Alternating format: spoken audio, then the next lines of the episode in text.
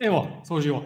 Živo, Matej Glivar je moje ime, pozdravljeni, gledate podcast Rast. Kot vsako sredo se tudi danes pogovarjam z nekom, ki je za vsakega z nas lahko inspiracija, vzor in od koga se lahko nekaj naučimo. Tako da pripravite beležke, pisala in gremo v akcijo. Maja, živo, najprej tebe. Živijo. Živijo.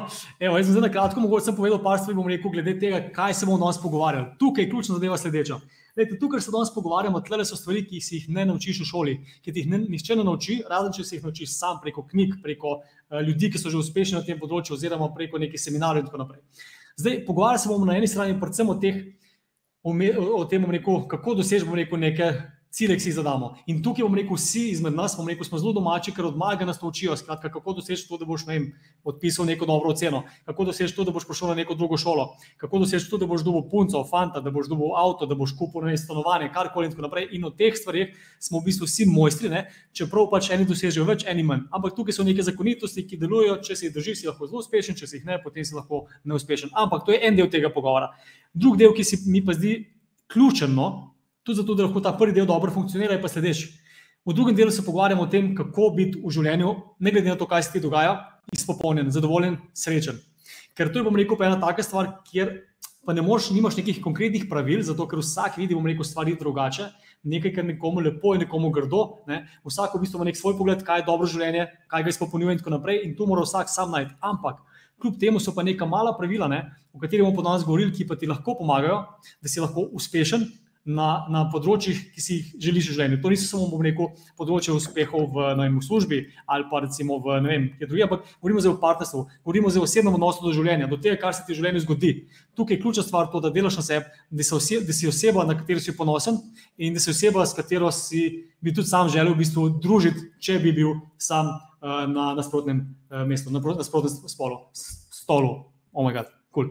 Skratka, jaz bom danes v bistvu predstavil Majo, mojo prijateljico, se že dolgo časa poznava, nisva full kolega, ampak kadar se vidi, je dobra energija, tako je tudi danes. Uh, in bom mogoče kratko, Maja, te prvo par stvari povedal o tebi, za tiste, ki te še ne poznajo. Okay. Potem pa bova zagrizla v, v tematiko. Maja Pepeljak uh, je svet korporativnega prava, korporativna pravnica je, njim grede, po izobrazbi, zdaj kaj počne nekaj drugega. Skratka, svet korporativnega prava zamenjala za poučevanje joge kjer pomaga preobremenjenim ljudem, da se umirijo in ponovno najdejo stik s sabo. Pomembno je pristno delovanje iz sebe, zato ne mara besede moram. To je fulj zanimivo, o tem bomo več rekli kasneje. Hvaležen za težke trenutke v življenju. Zakaj? Zato, ker so ravno ti največji dragulji na poti njene osebne rasti. Maja, to je bil čudovit opis, ki si ga sama pripravila. Bravo. Hvala. Hvala. Kako si danes, povej mi, kako se počutiš? Ej, super, ful sem excited za ta podcast. Malo imam tudi tako črvičke. Um, ni, veš, nis, mislim, učim jogo in tako online, ampak vse je pa drugače, tako le live imeti um, debato. Um, tako da sem excited, kaj bo. Se sem ti že prej rekla, nisem hotela neki ful gledati, kaj imaš ja. z ostalimi, um, oziroma kaj si mi s temi prehodnimi, ker nočem biti pod vplivom nekih vprašanj, ker želim, da prije res spontano iz mene ven. Um, exactly. Pač uno, kar bo, takrat v enem trenutku, ko me boš vprašal. Tako da, um, ja, malo sem excited, mislim, veliko sem excited, ampak mislim, da sem tudi tako živčna.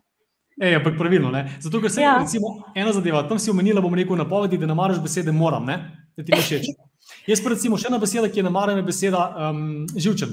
Aha, zakaj pa to? V angliščini to pomeni se pravi nervous ne? in jaz sem raje zamenjal za excited, kot ti praviš. Zato, ker nervus, oziroma živčen beseda pomeni nekaj tazga, kar, kar ti ponovadi ni všeč. Ne? Živčen si takrat, ker nekaj ne gre ali pa ker, ker se nekaj dogaja, ki ti ni všeč. Excited je, bom rekel, pa isti občutek lahko, ne? samo drug pomen. Ne? Zdaj po slovensko excited, kako bi rekla po slovensko excited? Vznemirjen. Vznemirjen, ja, vznemirjen je pa popolnoma drug pomen, lahko daš temu in drugače se odzoveš. Ne? Ker ko si živčen, se lahko tu zapreš. Se lahko, bom rekel, nekako. Um, Nisi to najboljši ti, ne? in mogoče ne narediš kakšnih odločitev, takih, ki bi si želel. Ne? Ko si pa excited, ne? Si pa v bistvu vesel nekega izziva. In zdaj smo v bistvu pred izzivom, ker včasih imamo ljudje tremo. Zakaj misliš, da imamo tremo ljudje, Maja? Mislim, jaz za druge ljudi ne morem govoriti, lahko povem samo zase. Um, ja, oziroma, ja, jaz včasih imam in zaradi tega, ker se bojim, da bom kakšno neumnost blekenla. Um, pač čisi, jaz sem čisto iskrena tukaj, tako da uh, you get the raw me. Um, ja, ja, pač bom kakšno neumnost uh, blekenla. Um, to da, ker le zaradi tega, če, če sem ne, mogoče um, ja, excited, da, hm, čak, da povem, da premislim točno, kako bi to povedala.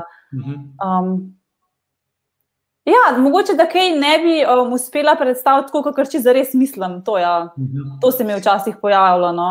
Um. Da ne bi izpadlo najboljši luči, pa kaj bo ljudje rekli, pa kako bo to izpadlo. Tako naprej, Imamo vsi te strahove, ne? kaj drugi mislijo. Pa, to pa veš, da niti ne, da bi najboljši luči ali ne, ampak bolj to, da mogoče ne bi znala čez spraviti um, tega, kar sem res želela povedati. Bolj to. Okay, ja. okay.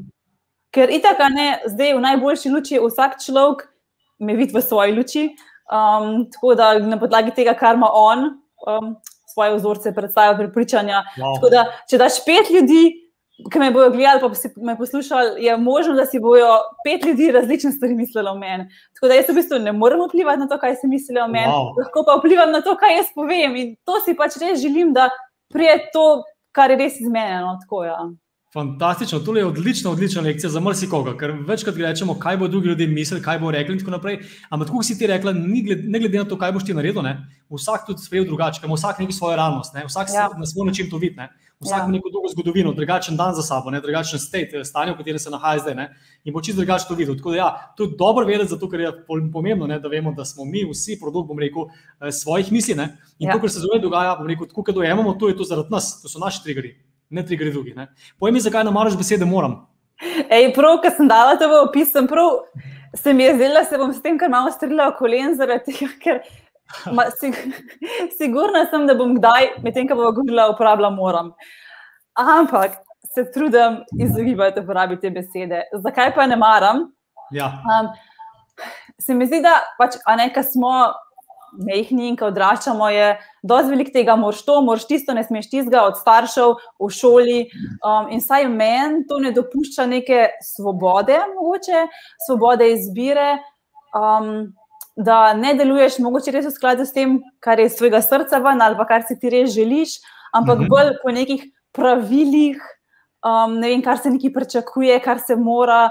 Um, ja, in jaz sem včasih zelo tako delovala, no, se mogoče tudi zaradi tega, ker -hmm. Ker zdaj vidim, da sem to počela in mi ni ok, mislim, da nekako sprejemam, da pač sem imela takrat tako stanje zavesti in je to ok.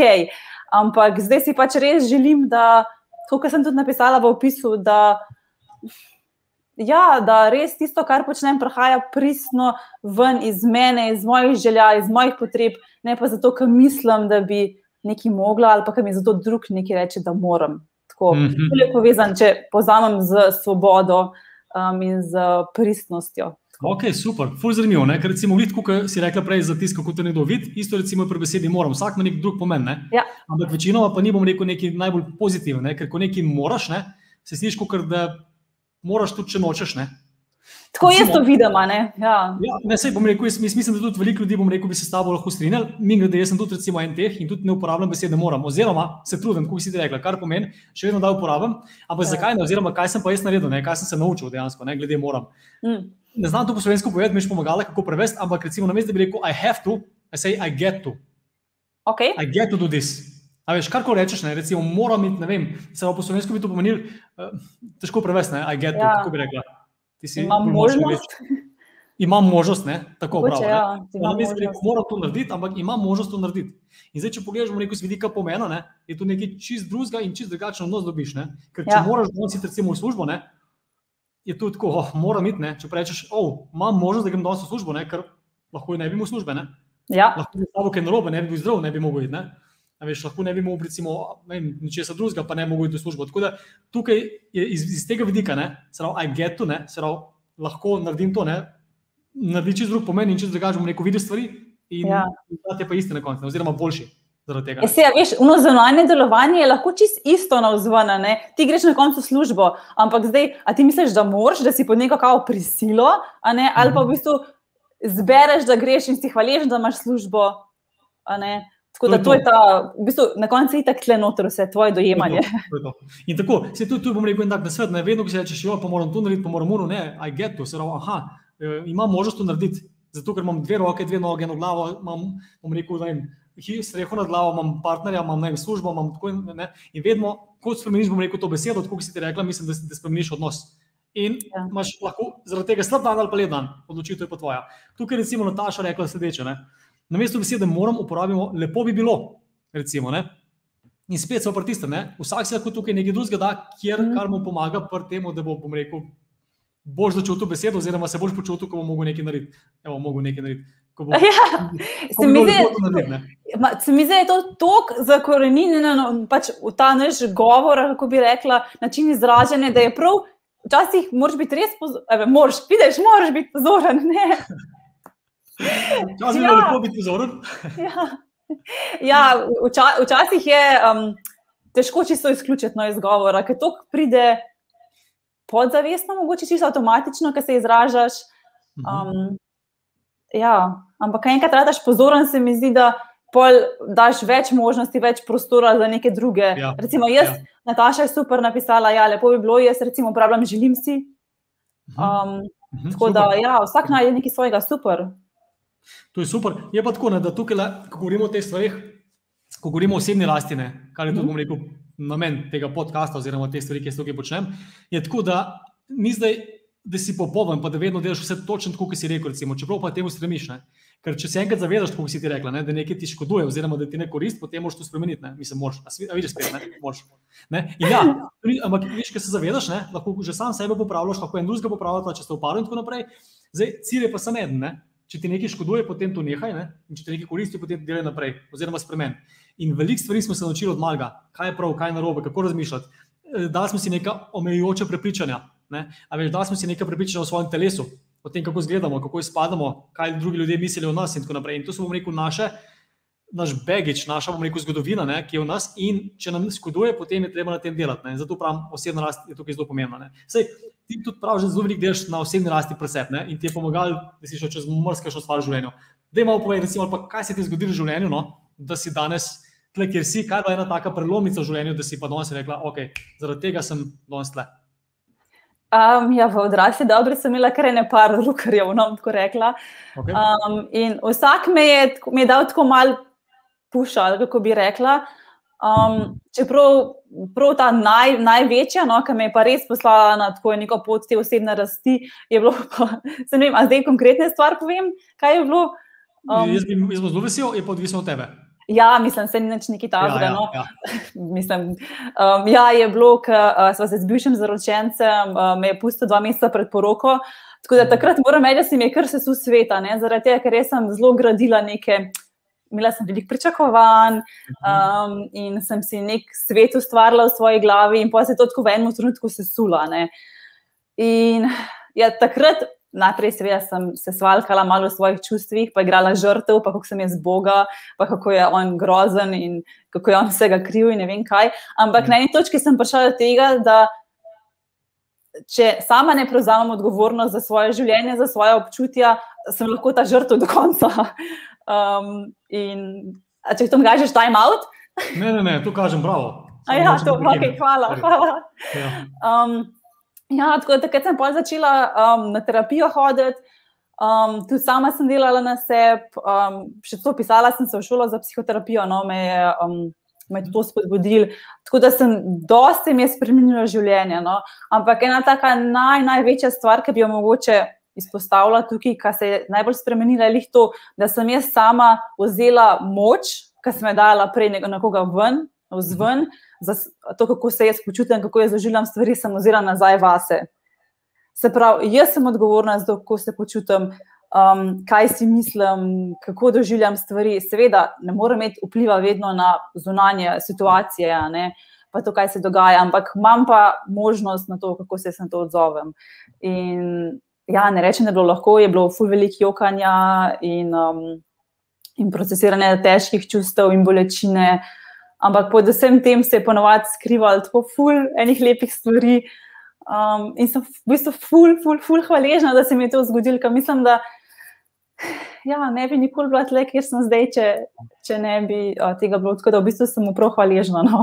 Wow. Kakorkoli se te mogoče čudno sliši, ampak ja. Ne, verjamem ti in sem se ful vesel za te, iskreno. No. Je pa, je pa res, da veliko recimo, ne, ko nekaj tazi slišimo, se lahko še zavemo, da včasih neka najtežja stvar v življenju, se nam zgodi, ne, je lahko nek največji blagoslov, ne, nekaj najboljšega za nas. In v tistem momentu ne vemo. Ne. In zato je spravno, da recimo, ker živimo, bom rekel, če želimo živeti dobro, potem moramo znati dobro živeti v tem trenutku. Ne. Ker, ker tudi čez deset let bo ta trenutek, ne, bo živel v tem trenutku. Ne. In če ne znaš zdaj cen tega, kar imaš, potem tudi polno bo znal. In zakaj to govorim? Zato, ker recimo to, kar se zdaj pogovarjava, je, je tako narejeno, da takrat, ko ti gre zelo slabo, pa ki se nekaj zgodi, ki je res, recimo, kot si ti rekla, ne, veš, dva meseca pred poroko, ne, ti zaročenci reče, ok. Aj, čau. čau um, zdaj, se pravi, lahko si v vlogi žrtve potem celo življenje v končni fazi in nekateri tudi so. Ne? In zaradi veliko manjših stvari, tudi recimo, so ljudje v vlogi žrtve, ne? tudi zaradi samega načina odraščanja, izobrazbe in tako naprej. Ampak ja, vse, kar lahko narediš, da sprejmeš odgovornost za to, da, da bom rekel, pomisliš, ne mogoče ti se v momentu, da mogoče pa to nekaj dobrega, ker v končni fazi, ne, Sej, če boš mislil, da je nekaj slabega, potem to tudi bo. Ne? In ti, če bi verjela, da je to nekaj najslabšega, kar je možen, bi še danes bil tam in še vedno bi videla to nekaj kot najslabšega in ne videla danes tukaj, kjer si. In zato je samo fora odločitve, ne, da takrat v tistem momentu rečeš, ok, slabo je, včasih je to treba zjokati, včasih je treba tudi mesec, mogoče celo dva, da stvari čez, da, da predelaš tudi dlje časa. Ampak ja, posebej treba enkrat odločiti, sprejeti odgovornost, pa reči, hej, to je od mene odvisno, kako bom sprejela. Ja. In uh, kako, recimo, samo en tak kratek primer, recimo, jaz veliko tečem. Ne? Ljudje, ne, recimo v naši kulturi, ne? ko nekdo umre, vsi okamo, smo vsi žalostni, je, je zelo hudo in tako naprej. Ne? In je, verjamem, jaz sem tudi pomrekel na ta način uh, zgrajen. Ampak imaš pa recimo kulture, ki pa vidijo v tem neko veselje, ki vidijo v tem neko, neko priložnost, kjer bo ta človek šel na naslednjo pot in tako naprej in se veselijo in se smejo in so veseli za njim in tako naprej. Ne? In zdaj hočemo vedeti samo pomen, ki ga mi damo stvarem, zelo vpliva na to, kako živimo življenje. In še bolj pomembno, kako katere odločitve sprejemamo. Se strinjaš? Ja, mislim, na koncu je tako vse stvar percepcije. Pač, mislim, to, kakšne imamo mi vzorce in potem posledično tudi kakšne čustva se ob tem v zunanjih mhm. situacijah vklapljajo, je itak, mislim, povezano s tem, kako mi vidimo stvari. Um, to sem jaz hotela reči, da se mi zdi pomembno, no, to, kar sem prej govorila, da, ker včasih se zdaj govori, je ja, neka žalostna čustva, so slaba, pa ne vem kaj, pa da je treba kar to mogoče malo preskočiti, pa iti takoj na ne, vse sem ok. Ne, meni se zdi ful pomembno, da, da greš čez cel ta proces, in žalovanja, in tega, da daš vse, mislim, da čustva sprocesiraš, da jih daš ven, ker prek teh čustev in procesiranja teh čustev se mi lahko greš globije noter vase. Um, in pol tukaj še le sploh prije, se mi zdi, da možnost res te prave prevzemanja odgovornosti in sprejemanja odločitve. Ker če ne, vsaj iz mojega vidika, je mogoče malo površinsko, lahko, če ne mhm, grejo ta mhm, čustva vse ja. prej ven. In poslej, ki prej to butne ven, oziroma se pokaže nekje drugje. Um, zdaj, boh ne da na zdravje, mogoče na, dolgo, na mhm, dolgi rok. Um, ali pa pač tudi v naslednjih odnosih. No, sej, um, ja, ja. Če teh prepričano spodine. Hm. Nisem, jaz sem prepričan, da je to res, kar si rekla. Ne? Ker recimo nekaj stvari možda čez in tudi rabijo nekaj časa. Ne? Ampak kljub temu, v tem času, recimo, ki daš te, čez, te stvari čez, se pa lahko zgradiš v neko osebo, ki bo vrtala bolj odgovorna za svoje življenje, za svoje občutke in kaj bo pač bodoče, ne? kje bo, na katerem mestu bo čez dve leti. Ne? Ali pa um, greš, bom rekel, to, da so vsi moški, recimo, ti bi šel lahko tudi v kontrasmer. Vsi moški so prasti, ne? Ja. Recimo, ne? Veš, ja. Ali pa kako je to mogoče, in spet, ko boš recimo prišel v naslednjo zvezo, ko bi prišla, ne? A veš, bi spet, recimo, mogoče gledala iz tega vidika in bi to prinesla zraven sabo, ne? nekomu, ki tega si ni zaslužil. Ne? In to lahko velika težava. Zato se pravi, ne gre, ne gre se samo za te, čeprav se slišiš mogoče malo mal grdo, ampak se gre tudi za ljudi okoli tebe, pa še posebej za bodočega partnerja ali pa partnerja, ne? ker veliko ljudi prinesemo sabo, bomo rekel, nek begič in potem ga damo na partnerja in on ga da na nas in potem se čudimo, zakaj ne moramo iti naprej. Ne? Tako da to je, bom rekel, ena taka zanimiva zadeva. Je pa Nataša vprašala nekaj, ki sem te smislu vprašati. Sicer, kakšno je tvoje glavno spoznanje iz te izkušnje? Ja, se je lih to, v bistvu, kar sem prej povedala, da kako je pomembno res um, prevzemati odgovornost um, za sebe, za svoje doživljanje in imeti moč za to svoje doživljanje v sebi, ne pa prelagati um, na vzven. To, to je bilo meni najbolj tista stvar, ki je najbolj ostala z mano. No. Um, noben drug mi ni kriv, kako se jaz počutim. Um, sam sama sem si, če tako zberem. Pa da, a ti si že prej tako razmišljala, pa si pol, pa seveda imela to, to izkušnjo, pa si pol še bolj o tem razmišljala, da je to še bolj res, da, si, da moraš biti odgovoren. Ali si se to takrat naučila? Kako si se naučila? Ja, Veš, kaj veliko sem se naučila zdaj, ko hodim um, na to akademijo ATCT. Um, za psihoterapevtko uh mhm. -huh. uh, se izobražujem. Tukaj sem se največ tega naučila, tudi nekaj že prek terapije, ne včasih, ki je. Jaz nisem niti približno tako razmišljala. Jaz, um, vse je bil on kriv, že tudi mislim, uh -huh. ne vem, reka, zdaj, ker sem bila v odnosu. No. Um, ampak, ja, dosti sem krivila tako zunanje situacije za moje slabo počutje, recimo, um, ali pa druge ljudi, um, ki sem rada tako žrtve zaigrala, pa kako sem jaz Boga in kaj mi drugi neki hočejo zunaj. Ja, In v bistvu sem izhajala kot, mislim, iz nemoči. Ne? Um, ja, ampak ko sem enkrat ugotovila, da se da tudi drugače. Oh, to je lažje živeti, to je lažje živeti. Ful več te notranje moči čutim, ful več svobode, ful več lahkotnosti. Um, in tudi, a ne, pač tudi, se mi zdi, tudi odnosi zdaj so zaradi tega ful lažji, ful bolj pristni. Um, ja, predvsem to ful bolj pristni, ja. ker sem se mhm. naučila, med drugim tudi to, koliko je pomenilo, da se izražaš v partnerskem odnosu. Um, se ne, da se prej nisem, sem se, ampak um, zdaj dajem še dosti več podarka na to. In sem rekla, da ja, je res pomembna ta pristna, pristna komunikacija. Tudi, kakšne stvari mogoče je težko povedati, kdaj. Um, včasih tudi dobiš odziv na drugi strani, ki mogoče ti ni lih uh, prijeten, ampak če ti je odnos res pomemben, ne vem, meni se zdi, da iz mojega vidika je to pot k še večji povezanosti. No. Um, Res je, ja. res je. Tudi v odnosi bo še kaj rekla. Ne pa samo meni tisti, ki zdaj spremljate, napišite še komentar, ki še vašo izkušnjo mogoče um, vprašate, mogoče kaj imajo. No. Jaz verjamem, da se lahko mrsi to stavo poistoveti, ne mogoče ne konkretno zato, uh, s tem dejstvom, ki se ti je zgodilo, ampak z neki podobnim, bomo rekel, izkušnjo ali pa mogoče celo s partnerstvom, ki je prej temeljilo ali pa zdaj temelji, bom rekel, na tem, da, da ni ok in vedno kriviš nekoga drugega. In to se, ki se sam enega tega zaveš, si že nekaj naredil. Ampak recimo, glede na to, da si se ti spremenila. Kaj bi rekla nekomu, recimo, ki je zdaj v taki zvezi, recimo, kjer vedno krivi partnerja, hoče ali pa noče podzavestno, ne? ali pa državo, ali pa šef, ali pa ne koga, vse in tako naprej, ne? za to, kako se počuti, kakšno je življenje. Kaj bi priporočila nekomu, kaj ne naredi, kje ne začne delati na sebi? Pet na terapijo, ne, ne, ne, ne. ne. Hej, jaz iskreno. Tudi, tudi, zakaj, ja. ne, iskreno, malo sem se pohitela, iskreno težko jaz dam nekomu na svet, kaj tako ne poznam človeka, ki to gleda, niti ne vem, kaj se njemu noter dogaja. Um, jaz lahko samo povem, bistvo, kaj je meni pomagalo in meni je, mislim, dejansko meni je terapija pomagala. Um, tudi jaz ne pravim, da vsi ne grejo na terapijo, sploh ne, ker so različne poti mhm. um, dela na sebe. Tako da ni, ni zdaj ena samo terapija in to je to. Um, ampak ja, meni men je to zelo pomagalo. No? Um, sigurno tudi kakšne knjige, če, če jih uh, bereš na to temo, mhm, lahko mhm. doprinesejo. Um, ja, to, to je to. No. To, to je moja izkušnja. Da, um, Stavlja, to, je, to je pri tebi delovalo, vse to moš nekaj vedeti. Ja. Kar ti boš rekla, ne veš, vedno neko, nekdo bo to vzel za svoje, bo šel na ja. ne, nekdo pa ne bo. Ne. In jaz verjamem, da lahko marsikomu to terapija pomaga. Ne. Še posebej zato, ker daš ven stvari, ne. se spoveš, veliko ti je težko, bom rekel, nekaj stvari povedati, veliko ti je težko biti ranljiv. Ne. In uh, na terapiji pa skoraj moraš biti ranljiv, da greš čez te stvari lahko, ne.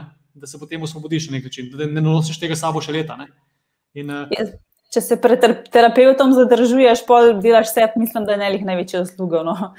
Um, Kako to misliš, če se? Če, če se pred terapeutom zadržuješ, a veš, Aha. če ni. Um, to, pač, ja, jaz to tako gledam, da če, če se tam ne odpreš, oziroma, mhm. oziroma jaz, če se ne bi tam odprla, mislim, da ne bi toliko poglobila um, in ne bi prišla čez določene stvari, čez katere sem. Um, uh mhm. -huh. Zato, ker sem se čist pripravljena odpreti um, in pogledati tu ne stvari, ki jih je bilo težko pogledati. Ok, cool. ne, se strinjam, se pravim, da, da, da bo ja. Drugač pa ena stvar, ki recimo meni časih tudi pomaga, no, zdaj, če bi komu dokaj doprinesel. Recimo, če kakšna stvar se zgodi od zunika, mene recimo strigira. Mhm. Um, grem jaz, mogoče ne prav vedno tako, um, kot me zdaj opisala konkretno po teh točkah, ampak vedno grem gledati situacijo, čustva, potrebe. Se pravi, situacija je, ne vem, partner mi je nekaj rekel, recimo, zdaj, če sem ja. gledal partnerstvo. Okay. Kako se jaz ob tem počutim, se vprašam. Mhm. Zdaj, tukaj je že malo tega zavedanja potrebno, da jaz znam ločiti, ne vem, aj to jeza, aj to žalost. Um, ampak ja, da pač kako se jaz ob tem počutim in da si tudi dovolim to občutiti. Um, uh mhm. -huh. Ker jaz sicer nisem imela probleme s tem, da bi um, ne bi občutila čustva, ampak kar sem slišala, kakšni ljudje recimo tudi ne dovolijo um, čist za res občutiti. Um, ja, verjamem, verjamem. Tako sem slišala, ja.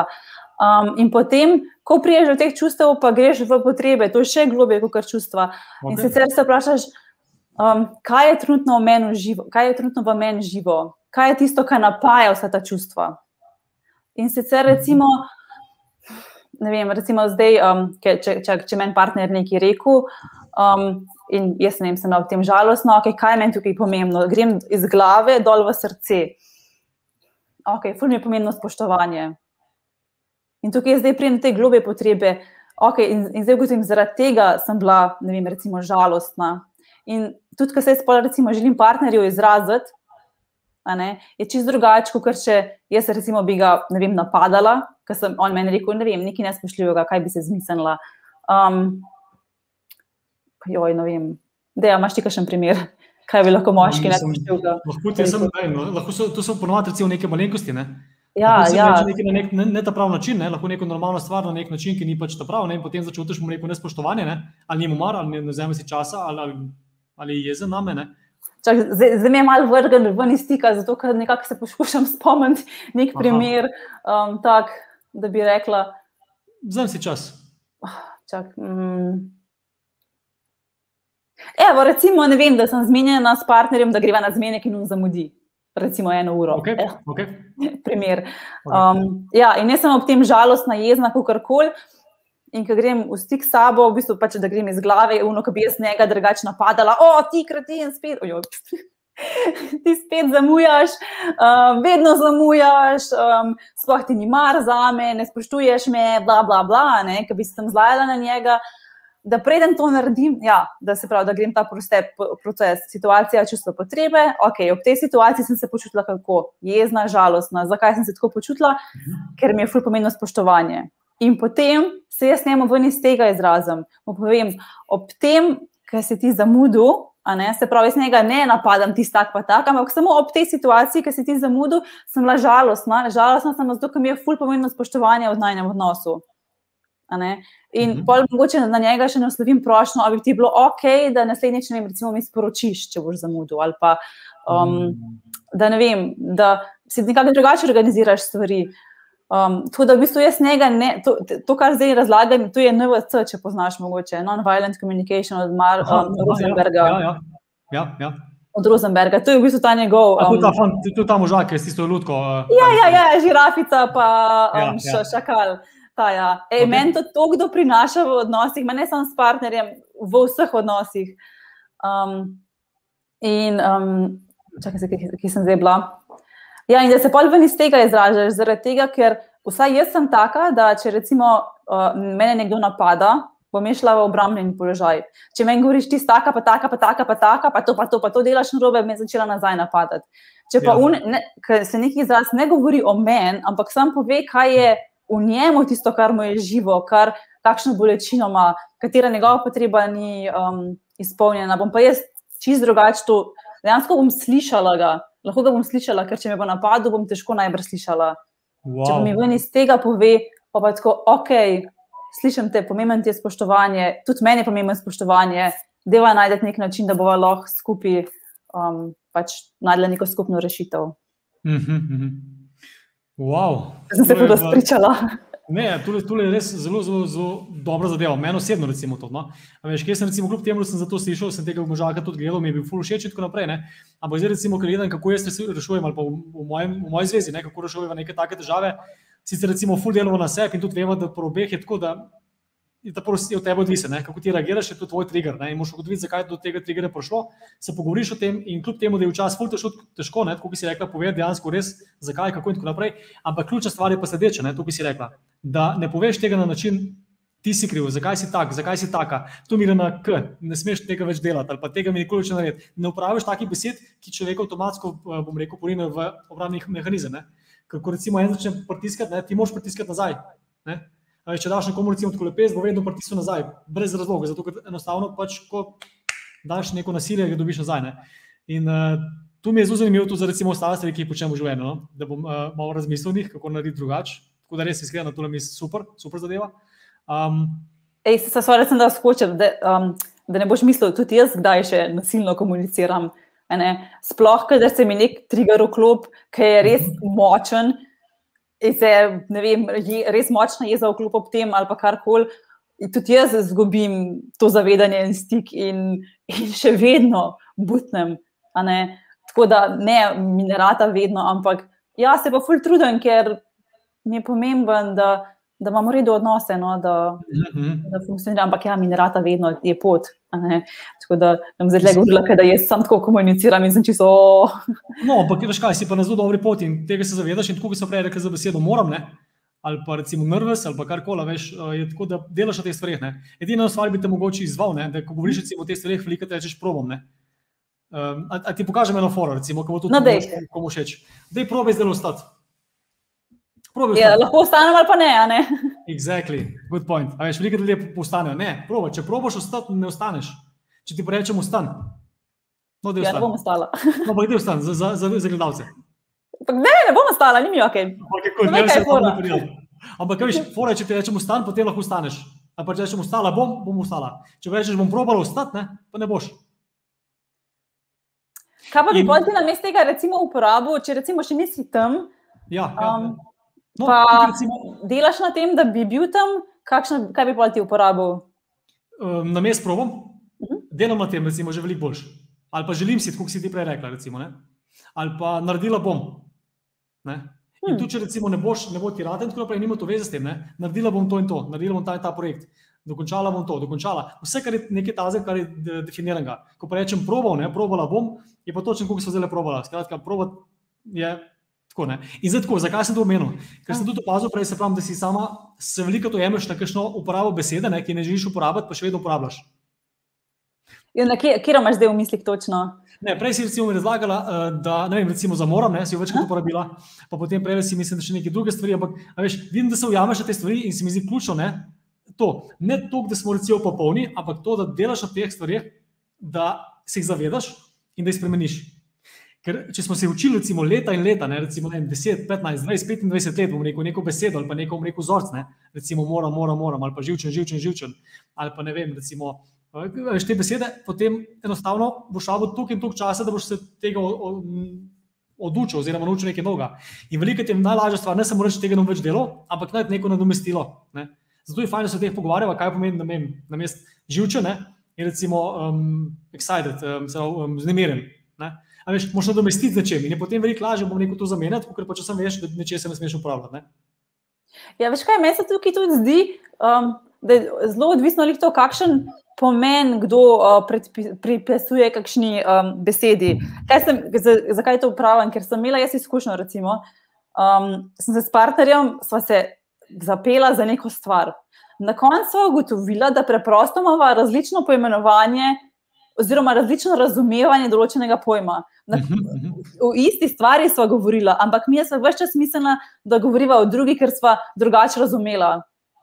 Um, tako da jih to, se mi zdi, tudi zelo pomembno, ja, kako, kako nekaj razumeš. Ne? Jaz, recimo, mogoče razumem, moram kot nekaj negativnega, kot še drug, mhm, kot pač moj čist neutralno.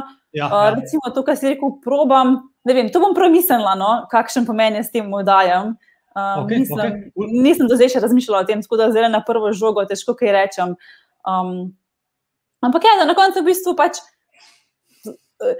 Če že praviš, da nadomestiš tiste besede, kar res te um, ja, ne doprinašajo k boljšemu življenju. No, tako, Um, vse to, to je vse, kar delamo. Ne, ja. Vedno, če ti nekaj škoduje, pa če to nehaš ne, in najdeš nekaj drugega, ne, če ti koristi, potem delaš naprej. Ne. Ker, kot si rekla, pomembno lahko popolnoma drugo, tudi za ljubezen v končni fazi. Ljubezen je taka lepa beseda, nekaj lepega in tako naprej.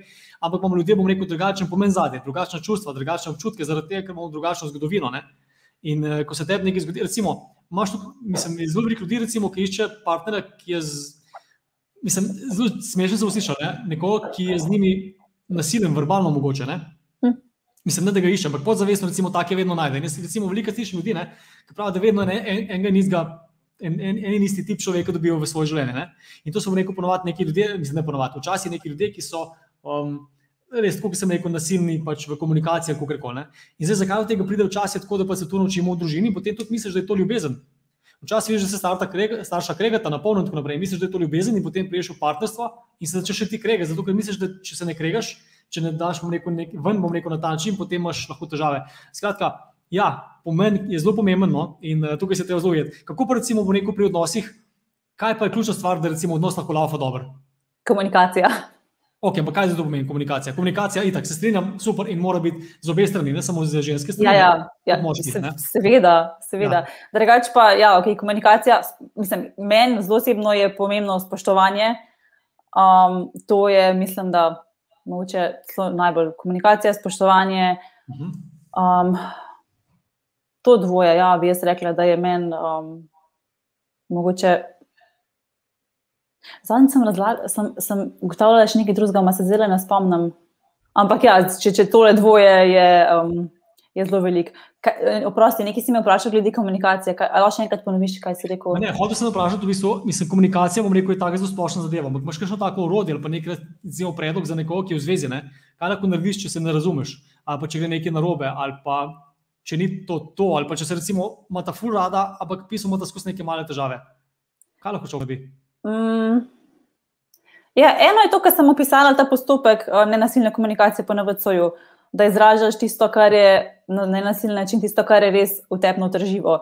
Mhm. Um, to meni zelo pomaga. Druga stvar je, da um, delam na sebi, na, tvoj, na svojih triggerjih in mhm. sicer, ko um, partner nekaj naredi, kar mene, ob, ob čemer sem jaz trigirana. Uh, da pogledam tle noter vse, kaj je še v meni, noter ta zga, kar ni zaceljenega mogoče oziroma ja, pač kjer jaz imam še um, priložnost za rast, evo, kaj jih rast. ja, ja. Um, ja, da, da v bistvu pač notro vse pogledaš, da ne greš najprej na nek napad, na vzven, ampak da na, vznoter, kako se ti ob tem čudaš, kaj to te pomeni. A imaš ti mogoče kakšne ozorce, še iz primarne družine, ki si mhm. jih prinesel s sabo, mogoče iz prejšnjega partnerskega odnosa, kakšna prepričanja. Um, ja, to, to meni to najbolj doprinaša no, k boljšemu pristnemu partnerstvu. Ja. Super. Um, kaj pa bi rekla, da, na čem pa recimo zelo trenutno največ delaš? Rekla si, da delaš v osebni rasti, na sebi delaš mm. več čas. Na čem trenutno recimo delaš? Um, na, na katerem to, točno konkretnem področju, ali kako to misliš? Ja, nekako, če je nekaj takega stvar, recimo, ki jo lahko seveda deliš z nami, ne? ampak na čem recimo zdaj delaš, pa, ki veš, da se moraš zboljšati, ali pa ki bi rada izboljšala, ki ti mogoče ni Ja, trenutno delam, sem ugotovila, da imam precej strahu. Okay. Um, na različnih področjih življenja se mi kaže, tako da zdaj sem dosti na tem delala. Um, sem brala, sem, sem itak delam to na terapiji, sem brala pa tudi eno, mislim, meni knjiga, ki mi je zelo dobro od Oša, ta Fear, Pro Fear se imenuje. Okay. Um, tako da, ja, če, če, če se kdo sooča z podobnimi občutki, Um, ja, meni je ta knjiga fuldo prinesla. Uh, v bistvu jasnost tih razumevanju, da sem sploh videla, um, kva se grem, po domač povedan. Ja. Um, zdaj nisem odpravila strahu zaradi tega, ker sem prebrala knjigo, ampak že vno, da dobiš zavedanje, je, um, da, da, da je mojemu umu dal um, zamisliti. No, kaj pa je poanta knjige, recimo, potem? Ko prebereš to knjigo o strahu, kaj se naučiš, oziroma kaj veš? Veš kaj, jo še berem. Aha, ok. Ampak kaj, kaj si se naučila do zdaj od nje? Jaz še ber, um, čakaj, da pomislim, kaj, če kaj ta zgodi. Mm -hmm. Jaz včasih malo zaprem oči, veš, mi je lažje prijeti um, v stik. Da, um, čak, on noter prav, da, ljud, da zakaj je ljudi strah? Zaradi tega, ker v bistvu zares ne živijo. Da če ti zares, če ti že res polno, polno, polno, polno živiš. Da, v bistvu pol, aha, aha, čak, stvari, malo sem preskočila. Da, je najgla, da je glavni strah ljudi smrt, okay. se pravi pred smrtjo, da smrti se bojimo zaradi tega, ker prav zares, ker smo tukaj ne živimo. Um, da če bi res najbolj polno živel, pa tudi smrti ne bo strah, zaradi tega, ker to je samo še eden izmed pač, korakov življenja. In to, na, res mi je zelo sedelo to, glede tega, da zares ne živimo. Um, mm -hmm. Ker sem jaz pa se opazila, da um, ja, da mi določeni strahovi še vedno pač preprečujejo, da bi zares polno živela. In ja, mi to ni ok, in zato delam na tem, ker, ker se želim bolj polnega življenja. Ja. Oh, wow, fantastično. Mislim, to je tudi en, ena moja velika pobuda za tale podcast, mi grede. No? Mm. Zato, ker strahovi, premagovanje strahov, ne? se slišimo neko nekaj tazil, pa če ja se kaj česa te pa strah, pa kaj. Ampak imamo tukaj ni strahov malih, ki se jih sploh ne zavedamo, ne? ampak veliko stvari ne naredimo. Ne? Veliko stvari se ne lotimo, ali pa veliko stvari bomo rekel, naredimo drugače, kot bi sicer, če ne bi imel strahu. In ključno v neko poanta teh, teh podkastov pogovora je o tem, da živiš polno življenje, da živiš v super stanju. Ne? Zato, ker v super stanju, bom rekel, super stanje je samo tisto stanje, kjer se počutiš, da imaš kontrolo nad življenjem, pa da se počutiš res eh, močnega, da si ti tisti, ki upravlja. Ne? In zdaj to je lahko, bom rekel. Ljubezen, lahko je to sreča, lahko je to odločnost, lahko je to rekel, delo, lahko je to karkoli. To je vse v neko super stanje, ne, kjer dejansko ti delaš na sebi. In zdaj, ko si v takem stanju, ne, um, lahko tudi, bom rekel, te strahove premaguješ drugače. In kako sem jaz, recimo, začel z tem, pa, pa mi šti pa povedala, kako se ti, bom rekel, s tem soočaš. No? Strahovi se soočajo s tem, da sem začel delati na coni obdobja, da sem začel širiti cono obdobja, da sem začel skakati v njih cono obdobja. Mislim, primer, ne? to so bom rekel neke male stvari, lahko ne, male stvari, ne vem, da se vsak dan za ledeno vodo stoširaš. Če ti tega strah, recimo, če, če ti je to neprijetno, ponovadi je neko strah povezan, povezan z neko neprijetnostjo, ne? potem, ker take stvari počneš, bom rekel na malo, ne? Vsak dan nekaj malega in tako naprej, se ti ta cona obdobja poširi in te ni več tega toliko strah, ker pač si navajen, ker veš, kaj pričakovati in to je to. In potem lahko dodajaš. In več, ko bom rekel, te stvari počneš, ta mišica, bom rekel, poguma, ne, bom res temu rekel, nekaj nasprotje strahu, ne, raste. In ko ta mišica raste, potem si tudi upaš narediti večje korake, večje, bom rekel, skoke v vodo, kjer moraš splavati, večje, bom rekel, podvige, ki si jih prej ne bi, recimo, upal ali pa mogel. Um, kako pa ti, recimo, zdaj rešuješ, oziroma kakšen plan imaš, da boš rešila neke strahove, um, da boš prišla do tega poguma in do te svobode, kjer živiš polno? Um, ja, no, ena stvar, ki se mi zdi, da sem tle že razlajnana, no, da sem na terapiji pač vse te vzorce, um, ki so povezani um, s strahom, predelovala. No, ena stvar je to, druga je pa to, kar si rekel, je tudi ti, da v bistvu tudi jaz stopam iz tone obdobja, da prav zavestno se odločim uporabiti določeno strategijo. Recimo, vem, če me je strah višine, da bom šla stati na višino. Take, če je res tako um, zelo banalen primer, tako res, um, mogoče kaj dosti strah višine, ne vem, jih je, jih ni, ne vem. Ja. Um, ampak, ampak prav tako je, da prav grem v tisto, česar me je strah. Um, in s tem dobim tudi več ja, poguma in mogoče tudi zaupanja v življenje, mhm. ker vidim, da se prav zares ne bo nič groznega zgodil. Um, ja, to, to, v bistvu te, ja, to notranje delo na sebi in tudi te zunanje strategije. Um, da naredim korake v smeri stvari, ki bi me sicer bilo, bilo strah. Ja. Sicer, ta, jaz, ki zelo rada delam na noter, mi je mogoče ta notranji del lažji, pa mi je mhm. zunani zelo težji, mogoče ja. še drug malih obratno. Ne? Tako da meni je večji izziv to na vzven, ampak vidim, da mi tudi to, kar na vzven delam, res ful do prinaša, ful, ful, ful. Tako da um, ne bi čisto zanimarila tega no, um, zunanjega dela. Cool. Jaz se s tabo čisto strinjam, ker jaz to zelo, zelo podpiram in vsakmu povem. Ne, večkrat, ko boš šel iz cone obdobja, načrtno, ko se boš odločil, ko boš samo rekel delovne stvari, ki so te je strah, ki se boš vrgel v strah, ne, boš mogel splavati boš splavil in boš videl, da ni tako težko. Sam se za eno punco tukaj govoril, ker je rekel, da je bilo prvič ful težko objaviti neko, neko sliko na Instagramu. Ne. Namreč ful, res ful se je bala nekaj časa odlašala in potem je to naredila enkrat, ne, in je dvakrat, trikrat, po trikrat, trikrat naredila in ni bilo več strah. Ne, mogoče nekomu banalen primer, ampak vsak imamo, vsi imamo banalne strahove. Uh, in zato je pač res fajn, da se vršiš v vodo in uh, splavaš, ker moraš splavati. Ne. In ponovadi se naučiš največ iz takih stvari, kjer te, ti je neprijetno, iz tistih, ki ti je prijetno, ponovadi pa v bistvu ne moreš niti rast. Ker poanta bom rekel tega podcasta tudi o tem, da če ne rasteš, umiraš. Da se s tem strinjaš. Hm, če ne rasteš, umiraš. Mislim, umiramo in tako vsak dan. Okay. Pač, To je metafora, ampak ja. Ja, ja, ja vem, vem, se vem. Um, če ne rasteš, umiraš. Ja, meni osebno je recimo rast, napredek, ful pomembna. Tako da meni to prina, prinaša k bolj polnemu življenju. Tako da, aj gess, da bi se lahko strinjala. Jaz sem se z drugimi besedami povedala, ampak mislim, da mislila podobno stvar. Ali... Po mojem, ja, po mojem. Ja. Moja. Ja. Mislim, tisti, ki res tukaj, recimo, v, v zadnjem, ne, ne, roža, recimo, ne, če, če ne raste, umira. Ne? Se vidi, ja. kaj zadivaš. Ne? Partnerstvo, ne? če ne raste partnerstvo, potem umira. Ne? In ne, zdaj, konkreten primer, recimo, iz Velika to omenja sicer, ampak, veš, ki si recimo, ki prideš v zvezo, ne? zveza dejansko mora recimo celo življenje rasti, da se nekaj dogaja, drugače pač propade. Ne?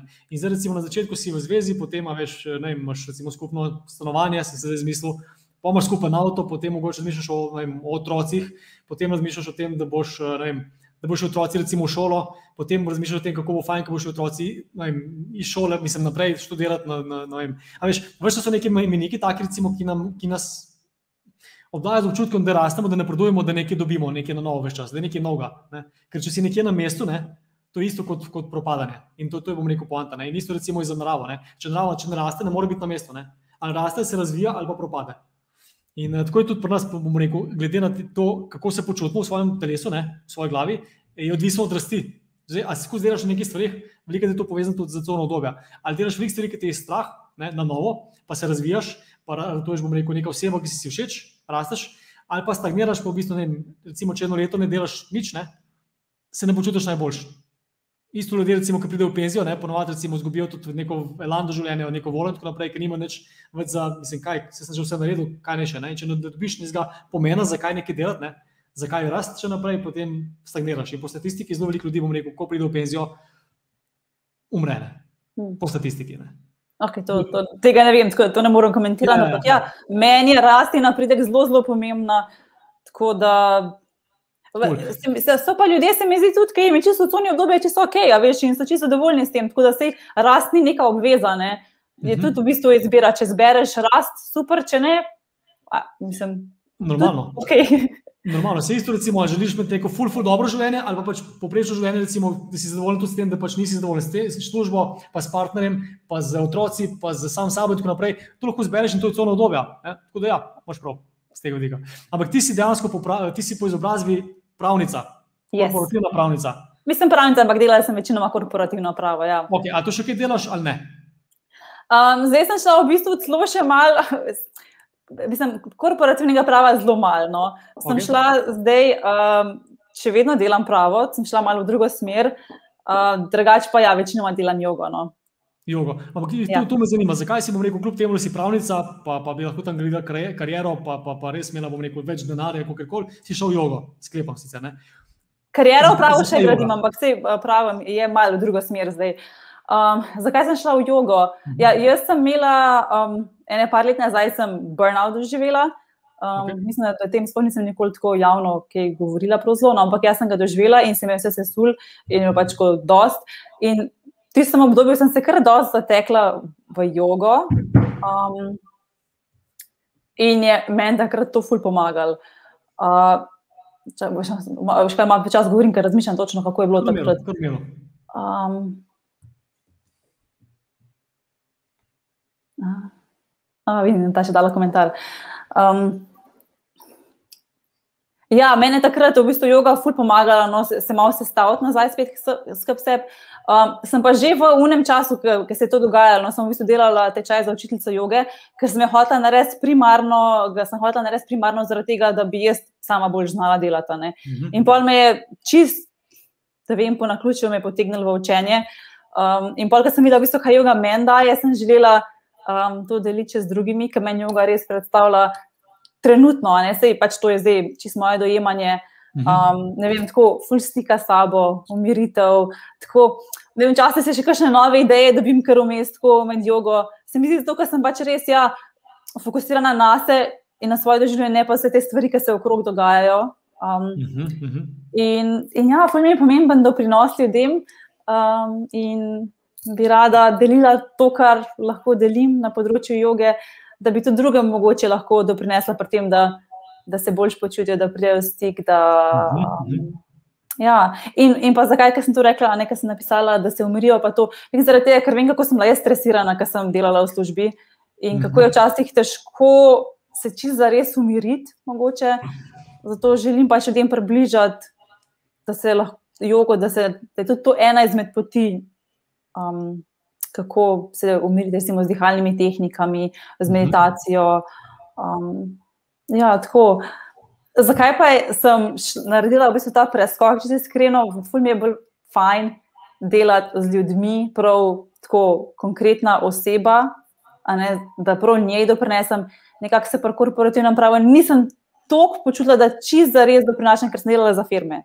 Ne, vse so bili ljudje tam, itak, da so bili. In seveda ja. sem doprinašala firmam, ampak za me je drugače, če je prav človek tam na drugi strani, ki mu neki dan, ki se on bolj počuti, ki je pol nasmejan, ki prije stresiran tja na jogo, recimo, in pol je reče, o, da je kar prerojen. Tako, ko vidim, da je res prav konkreten človek, ki ima neko spremembo, ki se bolj počuti in mi je to tako, oh, izpolnjujoče. Ja, ja. Ne, super, ker tudi tukaj zdaj recimo govoriš, zelo bom rekel, povezan z potrebami v življenju, ki jih imamo. Ne, zdaj, ne vem, če poznaš Tony Robbinsa, no, jaz zelo veliko njega spremljam. Eh, poznam, ja. Ja, mi se poznaš, gledaj, tako, ja, kdo ga ne pozna. Ne. Ampak eh, hoče povedati, da on recimo govori o šestih recimo potrebah, ki jih imamo ljudje. Ne. En recimo potreba po recimo sigurnosti, potem je potreba po nesigurnosti, potem je potreba po tem, da si signifikant, se pravi, si pomemben, potem je potreba po tem, da si um, po, po ljubezni, po, po, po odnosih, po, po, po konekšnju. Potem imaš pa dve potrebe, ki so pa ključne, da se počutiš izpopolnjenega. Ne? In te dve potrebi sta rast in pa contribution, se pravi po slovensko, je da. Doprinos. Doprinos, bravo. Ne? In zato pravim, da veliko recimo, tudi ljudje, ki smo najbolj ukev čas, ne? najhitrejši način do sreče, do občutka sreče, zadovoljstva je to, da nekomu pomagaš, da nekomu nekaj daš, da za nekoga nekaj lepega narediš. Ne? Ker ko si nekaj narediš, bom rekel za nekoga direktno, dobiš res eno tako energijo, ki je ki je, ki je čist kontra tisti depresiji ali pa, ali pa slabi volji in tako naprej. Ne. Tako da tukaj te razumem in to je, to je super, da imaš neko tako zadevo, ki lahko to počneš več čas. Ja, jaz sicer mislim, da, da najprej si moraš človek sebi pomagati, ker če sebi ne pomagaš, tudi drugim Bravo. ne moreš. Bravo, Um, bravo. Ampak ja, je pa res, vsaj jaz imam nek tak res občutek izpolnjenosti, ko vidim, da sem nekomu doprinesla, lih to pri, pri njegovem počutju. pa to. Seveda, to, ko smo govorili o odgovornosti, ne morem biti jaz odgovorna, zdaj se bom bolj počutil po jogi ali ne, ne, še vsem je Mhm. pač on tisti, ki je odgovoren za svoje počutje. Ampak lahko pa mu doprinesem, a ne s raznimi temi pač tehnikami in to. Um, Mhm, mhm. Tako da, ja, mene to zelo izpopolnjuje in tudi v pravu si želim iti v smer, kjer bom lahko bolj prav ljudem um, konkretno doprinašala. No, to je rekel, sem rekla, da nisem prava še spustila, ampak zdaj sem šla pač malo bolj v drugo smer. Okay, okay. Super, super. Je pa tako, kot si rekla, res prvo, če hočeš tako pomagati, moraš pomagati prvo sebi. Če ti nisi ok, boš težko pomagal nekomu, sploh na dolgi rok. Ne? Je pa res, da lahko, kljub temu, da nisi ok, nekomu pomagaš, ampak ja, težko boš to počel dobro, če si ti slabo. Ja. Ampak, a se ti počutiš, bom rekel, uspešno, Maja? Kaj, oziroma, da mi tako vej, direktno. No? Kaj je po tvojem mnenju največji uspeh v tvojem življenju? Kaj definiraš kot uspeh? Ja, oziroma, kaj, kaj je bil do zdaj tvoj največji uspeh? Kaj bi rekel, recimo, od vseh stvari, ki si jih naredila, dosegla in tako naprej? Kaj je največji uspeh? Ja, zdaj, če, če gledamo poslovno, definitivno to sem šla na svoje. Okay. Um, ja, pač prej sem bila zaposlena, tako da polk sem šla na svoje. Um, in ker sem začela pravno svetovanje sama, in ker sem začela jogo počuti, pač to mislim, če gledam iz poslovnega vidika. Uh -huh, uh -huh. Mm. Ampak, veš, jaz sem tukaj malo zataknjen, kaj sploh pomeni uspeh. Um, me, to je tako, kot veš, vseh ostalih zadevah. ne? Kaj Ja. ja. pomeni, ne? si sama rekla. ja, kaj, kaj meni pomeni? Veš, da prav z uspehom se prav nisem ukvarjala. Ker doskrat se mi zdi, tako, okay, zdaj moraš imeti, ne vem, recimo, če imaš yoga, Instagram, tok pa tok followerjev, ali pa ne vem, tok pa tok denarja, pa ne vem, si prepoznavam. Pa men, pač meni je to kar neki. Mhm. Um, mislim, ne bom, ne bom rekla, da je kar nekaj, se ne sklada z mojim razumevanjem tega. Za kakšnega drugega je lahko čisto in je ok. Um, ja, mogoče je to, kar sem rekla, ker sem šla na svoje, ker je največ poguma terjalo od mene, Bravo. da sem to naredila. ne. Um, ker sem šla, kar si rekel, iz cone obdobja, iz varne, dobro plačane službe, um, redne plače v neko čisto um, v nez, v, kot prvo v neznano, kot drugo, prav nobene neke zunanje sigurnosti, sem se lahko v bistvu samo noter, navznoter uprla na sebe, ne na svojo sigurnost notranjo, zunije ni bilo. Um, ja, in malo bolj sem se mogla pomatrati kot prej. Um, mhm. ja, ker v bistvu sem odvisna samo sama od sebe. Se nisem mogla res za, prav zares na nobenega zanesti. Tako da to, to je bil kar en tak velik korak, no, to bi rekla. Um, ja. Ali je to zdaj se nanašalo na vsa področja ali samo na poslovno? Ne, na me vse vprašal? področje, ne. Na vse področje, ampak recimo vse lahko iz tukaj izhajamo, pa lahko potem še kaj poveš, eh, tudi če greš na drugo področje, ampak a veš, tako se prej, smo se prej pogovarjali, ko delaš, bom rekel, stvari iz cone dobe, ne. Ko počneš stvari, recimo, ki te je strah, katerih te je strah, ko rasteš, ne, ko napreduješ in tako naprej, ponovadi, bom rekel, najbolj zrasteš ravno takrat, ko delaš stvari, ki so ti težke, ne. Za katere nisi siguren, ker nimaš, bom rekel, vse stvari pod kontrolo, ampak verjameš, delaš in gradiš to mišico, bom rekel, volje v končni fazi, ne, ki, ki te prinese potem do tega spoznanja. In jaz mislim, da če to prevedem, kar si zdaj rekla, ne, pa mi povej, če se motim, da si zelo ponosna tudi na to, kdo si postala v tem času. Ja, ja sem, sem. sem. Um, to, zdaj se mi je vmes, ki si to mi je padel, ki si rekel, največji uspeh. Zdaj to ni poslovno, ampak nasplošno, da sem res začela sebe rada imeti. To, Mhm. evo, jaz bi rekla, da zaenkrat je to moj, mogoče se sliši tako klišejsko, tako simpel, ampak da sem res začela čez vs- vse te procese sebe rada imeti. In, ja, to je mogoče najbolj tako. Um, Pa, pa ne, da se zdaj sebe prej ne marala, ali pa da bi se sovražila ali karkoli, ampak tako, da sem ratala res sama sebi pomembna, da, da sem se začela sprejemati um, tako, kakršna sem, z vsemi slabimi, dobrimi um, stvarmi. Sicer včasih mi, bi si lahko bila malo bolj sočutna do sebe, no, sem kar Mhm. znam biti tako um, bolj na hard. um, ampak ja, to, to da, da sem se začela imeti rada. pa postavljati meje. Mm -hmm, to, to, to. Res mogoče je komu to čist samoumevno in čist nekaj vsakdanjega, ampak meni to včasih ni bilo samoumevno, sploh postavljanje mej, s tem sem imela toliko težav. Ampak ja, zdaj, zdaj pa jih in to, evo, to tudi štejem, nekaj izmed večjih uspehov. Super. Jaz mislim, da tukaj ti praviš, da, um, da to mogoče sem te pomenil naprej. Jaz mislim, da je to za večino ljudi, jaz uporabljam te besede, prosti, za večino ljudi pomembno. Ne? Zato, ker veš, karkoli počneš v življenju, ne? če bom rekel, se ne počutiš, da si ponosen sam na sebe, da si si ponosen to, kdo si. Da si vesel, da si prišel do tega, kjer si danes, in tako naprej. Ne? Potem ne moreš biti, bom rekel, mislim, jaz mislim, no, da ne moreš biti res srečen, da se motim. Zato, ker ti rabiš, mislim, tudi na koncu življenja, ne, ne glede na to, kaj dosežeš, ne? če si ponosen, tukaj dosi si dosegel zelo velik. Ne? Ker je tako, da je na polovico poln kozarca, polovico prazen, tako kot vidiš stvari. Ne? In ja, zato je tukaj tudi govorimo o tem, da je treba delati na sebi, da je treba rasti, da je treba početi stvari, ki te je strah, da je treba delati tisto, kar bi rad, ne tisto, česar te je strah, ali pa tisto, kar se od tebe pričakuje. Ne? Veš, ne. Ne, ampak recimo, ne, dej, veš, od tebe si pričakoval, ti si korporativna upravnica, boš delala samo to, zgolj to in boš probala tukaj delati veš, vse. Ampak ne, ti tudi veš, vidiš potem stvari, ki so ki jih želiš početi, seveda, glede na stanje, v katerem si, kaj se dogaja v življenju in tako naprej. Ampak, veš, tu recimo, zakaj to govorim, ne sem zaradi mene, pa tebe, ne, tudi zaradi ljudi, ki to gledajo. Ne, je pomembno, da veš, da takrat, recimo, da kljub temu, da si neko šolo naredil, kljub temu, da se od tebe nek, nekaj pričakuje, kljub temu, da vsi mislijo, da boš nekaj naredil. Lahko narediš po svoje, lahko narediš tisto, kar ti želiš. In veliko se je težko poslušati, pa sploh vedeti, kaj bi rad. A si imel to izkušnjo?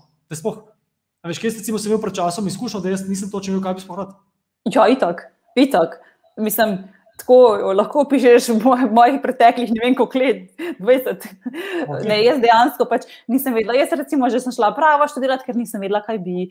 Pa tudi pol, sem pač kar malo strala, tako res, čista neka zgubljenost, tako sploh. Um, in jaz, zakaj jaz mislim, da je bilo to, ker nisem imela neke mogoče notranje trdnosti um, zaupanja vase, sem se preveč zanašala na to, kaj so drugi zunaj govorili. Pa noben mi ni rekel, peč delati sprava, sploh ne, to je bila čisto moja izbira. Mhm. Um, ampak tako ja, da se v bistvu nisem naučila prav za res poslušati sebe. Si, si rekel, da poslušaš sebe. Ja, ja, ja, ja. ja oj, oj, to ne, ne, tega jaz nisem znala. to bo res. Um, ja, ampak se vedno bolj znam in vedno, in ker se slišim Ma mi je všeč, kaj slišim. No? Ampak ali, ali, ali ni ta občutek, recimo, nevrjetno dober? Ne? Ja. Ko enkrat priješ do tega, recimo, da to narediš, ker jaz vem, pred časom sem imel še izkušnjo, da niti nimaš kontrole nad svojim življenjem, ne? niti nad svojimi mislimi, niti nad občutki in tako naprej. In potem, kar veš, si v nekem takem bahurčku, kjer ne moreš priti ven. In uh, zato pravim, da je tukaj osvobojujoče, zato se o teh stvarih pogovarjam tukaj, ker tega pač ne vidim drugače, če to malo pogrešam. In se res pogovarjam z ljudmi o teh stvarih, recimo, ki so te mogoče zdaj maja samoumevne, oziroma ti mogoče tako pač iz, iz, iz, iz rokava padajo, ne, zato ker pač tako živiš. Ampak, veš, ko pa nisi na tem nivoju, ti pa to lahko ful koristne. In kaj bi recimo rekel nekomu, seveda, ne moreš vsak reči, kaj naredi, ker pač tvoje življenje je drugačno kot od drugih. Ampak, kaj bi recimo nekomu rekel, ki pa se počuta, veš, da ne živi tako, kot bi sam hotel, oziroma ker niti ne ve, kaj bi življenje rad. Ker ponovadi je to posledica, bom rekel, let in let, bom rekel, uh, pričakovano ostalih ljudi, ne? oziroma pričakovano, bom rekel, okolice, um, tisto, kar ne bi naredil in tako naprej, ne? mogoče tudi strahov. Ne? kaj je mogoče ta človek narediti, da bo prišel do tega, da bo sam sebe poslušal? Hmm. Um, jaz se spravim, jaz imam s temi nasveti, ampak ok, bom, bom šla v to. Si, in, veš, si fora, lej, to je tvoj nasvet iz, iz srca. To ne pomeni, da moraš vem, to narediti. Ne? Vem, vem, vem, vse vem. Ja. Če, evo, če komu to pomaga, lahko exactly. zame. Evo, exactly. um, um, Čakaj, lahko še enkrat ponoviš, kateri dve stvari, če ne vejo, kaj bi radi, pa še nekaj je bilo? Ne, dajmo se fokusirati na to. Če ne veš, recimo, kaj bi rad v življenju sploh počel, če to ne veš, kaj bi, kaj bi rad, ne? kako prdo tega, da se ne znajo sebe poslušati. Aha, to. Ja, ja. Um, kako pride do tega, da sam sebe lahko potem slišiš, pa da rečeš, aha, vem, kaj bi rad. Čakaj.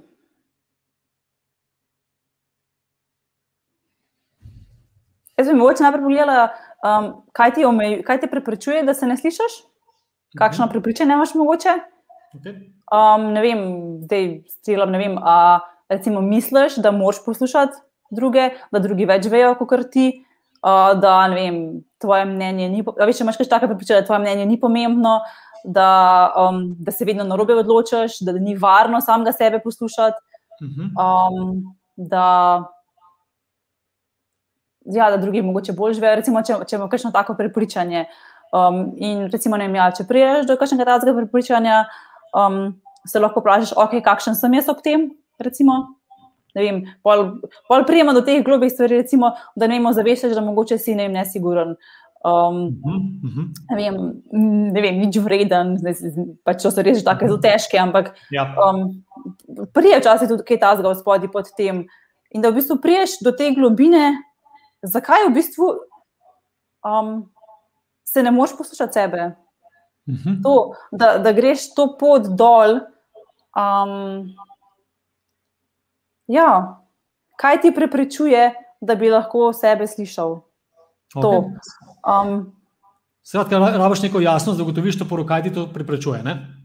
Tako, ja, jaz, bi, jaz bi temu tako rekla. In kakšen si ti ob vsem tem? Ker sem, ki se vprašaš, kakšen sem jaz ob vsem tem, prije velik tvojih vzorcev pa prepričan ven na plan, mhm, ki jih lahko nosiš s sabo že iz otroštva.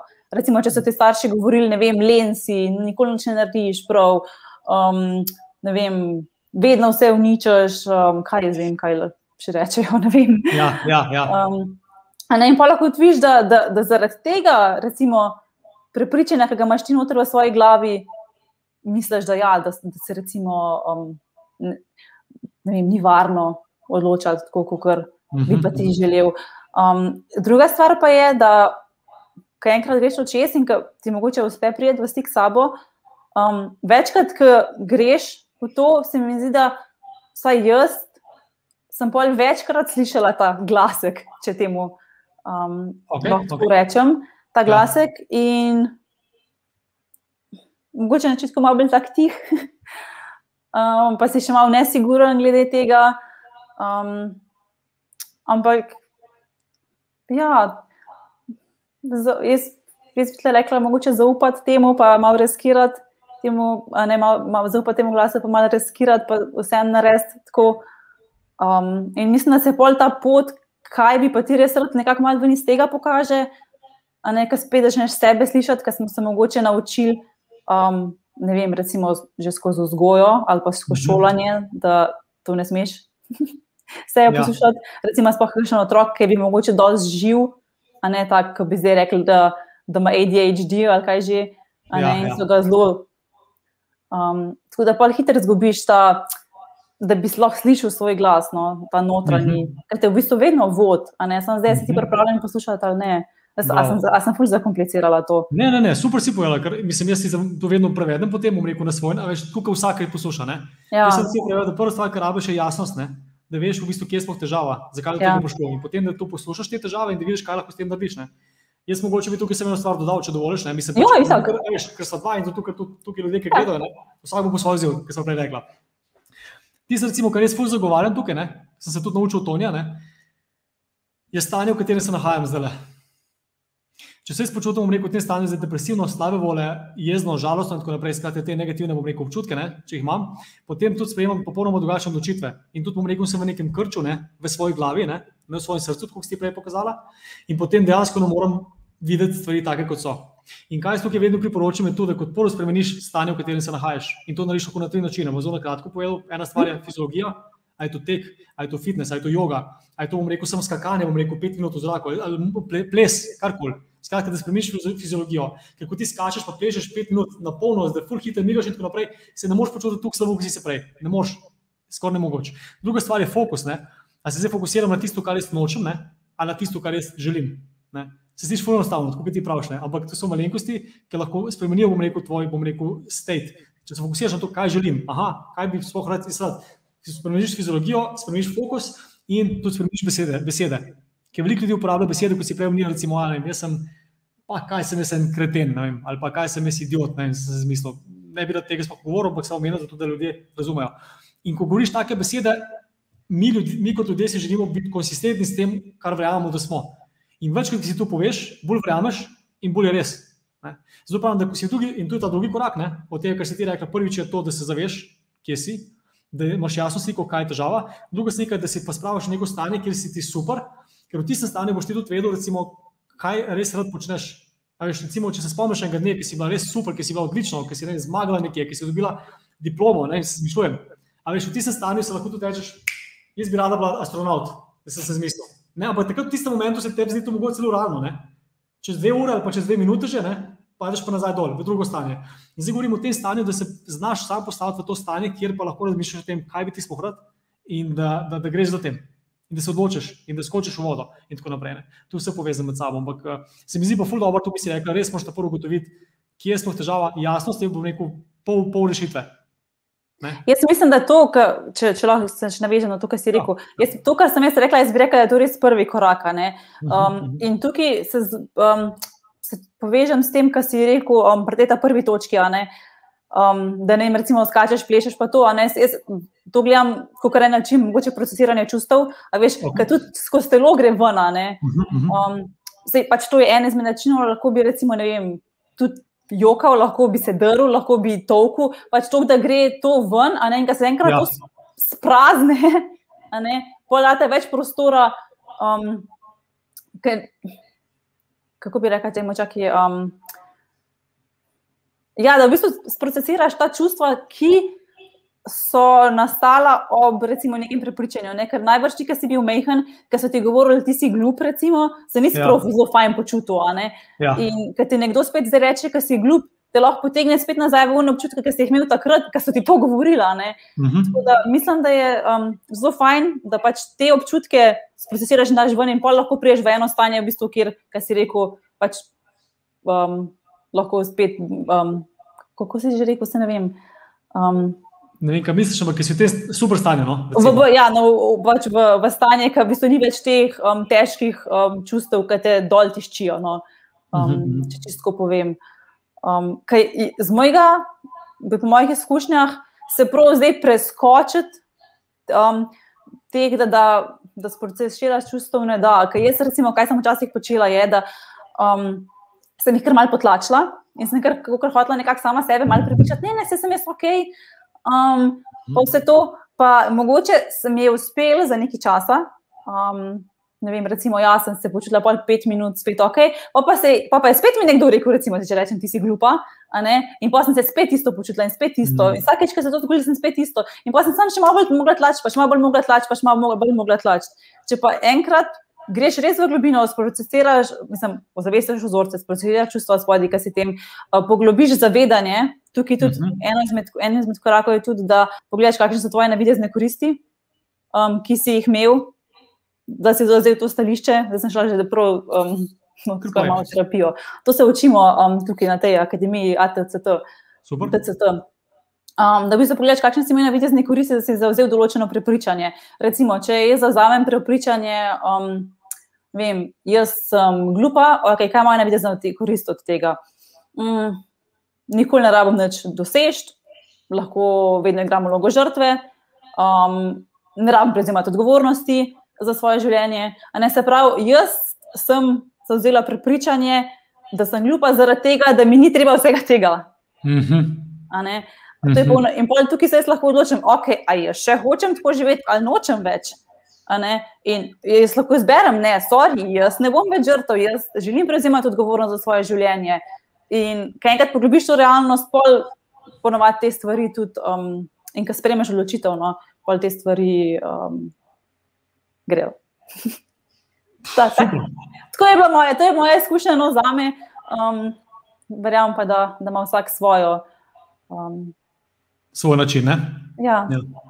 No, ampak super, se mi zato se tukaj pogovarjamo, veš, ker pač ti si čez veliko stvari v življenju čez in uh, zato, ker si danes imel nekaj čez in verjamem, da bo mrsko komu to pomagal, mrsko komu tudi ne bo, ampak vedno veš, je tisti, ki ne bo, ne bo pomagal, tole mu bo nekaj drugega. Ne? Ker vsak lahko najde, bom rekel, v tem pogovoru sem pripričan, da se danes pogovarjava ogromno vrednosti zase.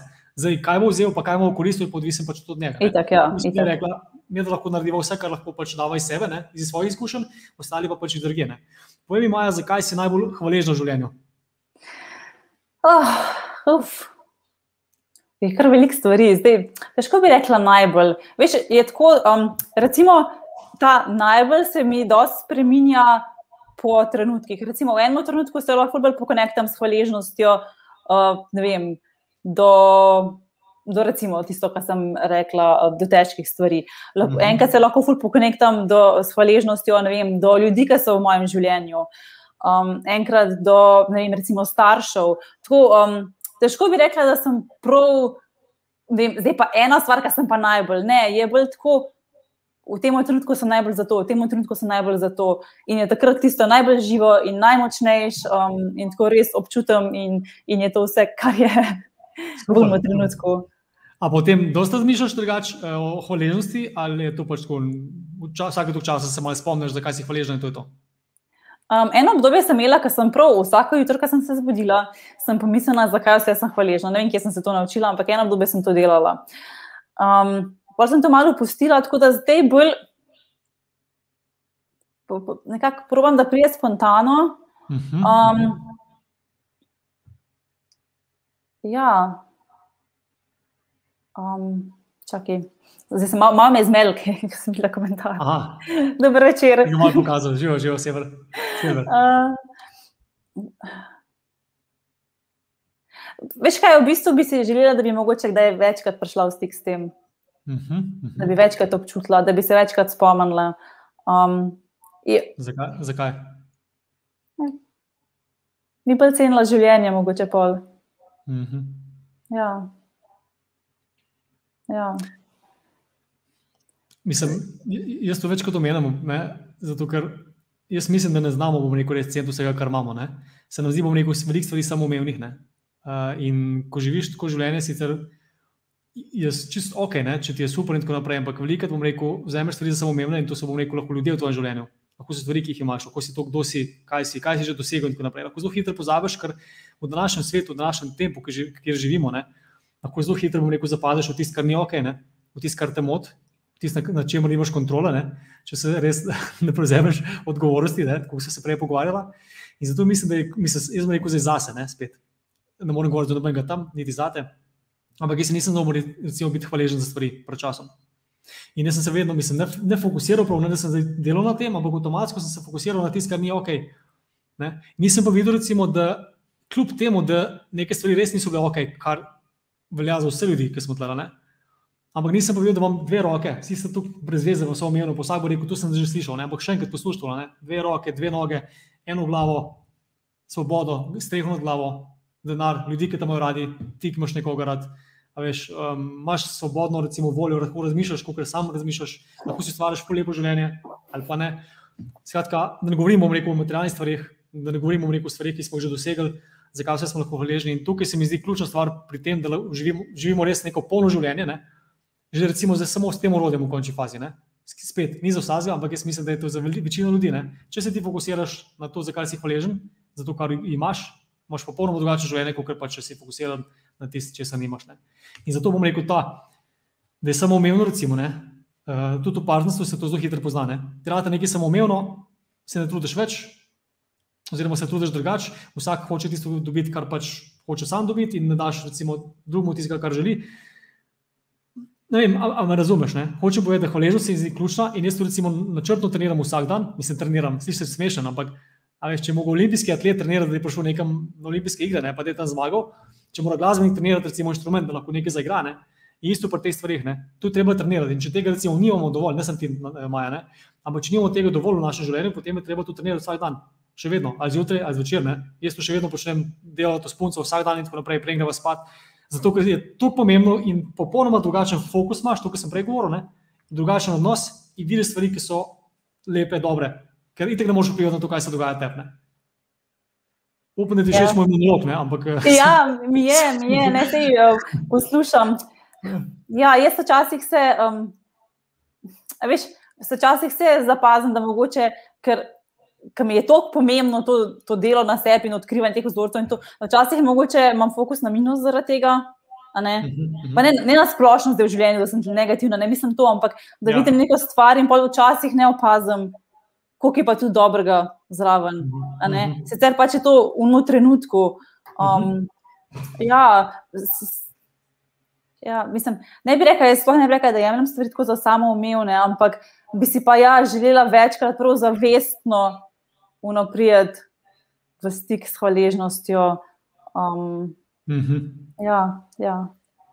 Ja. Ja, ker, ker če ena izmed teh malenkosti, recimo, mislim, malenkosti, niti ne, ne, ki sem prej recimo govoril, ne, ne zgubiš ne, od roke, noge, očesa, karkoli, je to big deal. Ne. Pa se ja. zdaj ne zavedamo. Ne. Ampak drugače, pa recimo, zadnjo, mislim, eno zadnjih vprašanj, no, Maja, zdaj za zaključek, me zanima, si ti v življenju srečna? To sem videla, da me boš to vprašal. To sem videla, ker sem gledala z Natašo, ker sem jim, ali je Nataša srečna, stvari Nataša, če te menjam. Ampak to sem prav nekako sem. Ja, zanima me res iskreno. In, in, kaj bi rekla? Veš, kako je? Zdaj zadovoljna sem. Pa to ne mislim zadovoljna, tako kot nam, ah, zadovoljna sem. Ne, ampak prvič v življenju sem zadovoljna s tem, kje sem, kaj sem. In ko mi čakam, da vidim, kaj bo še naprej.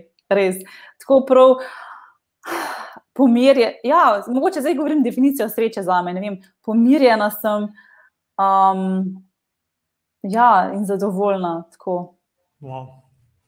Ja, Dobro občutek, ne?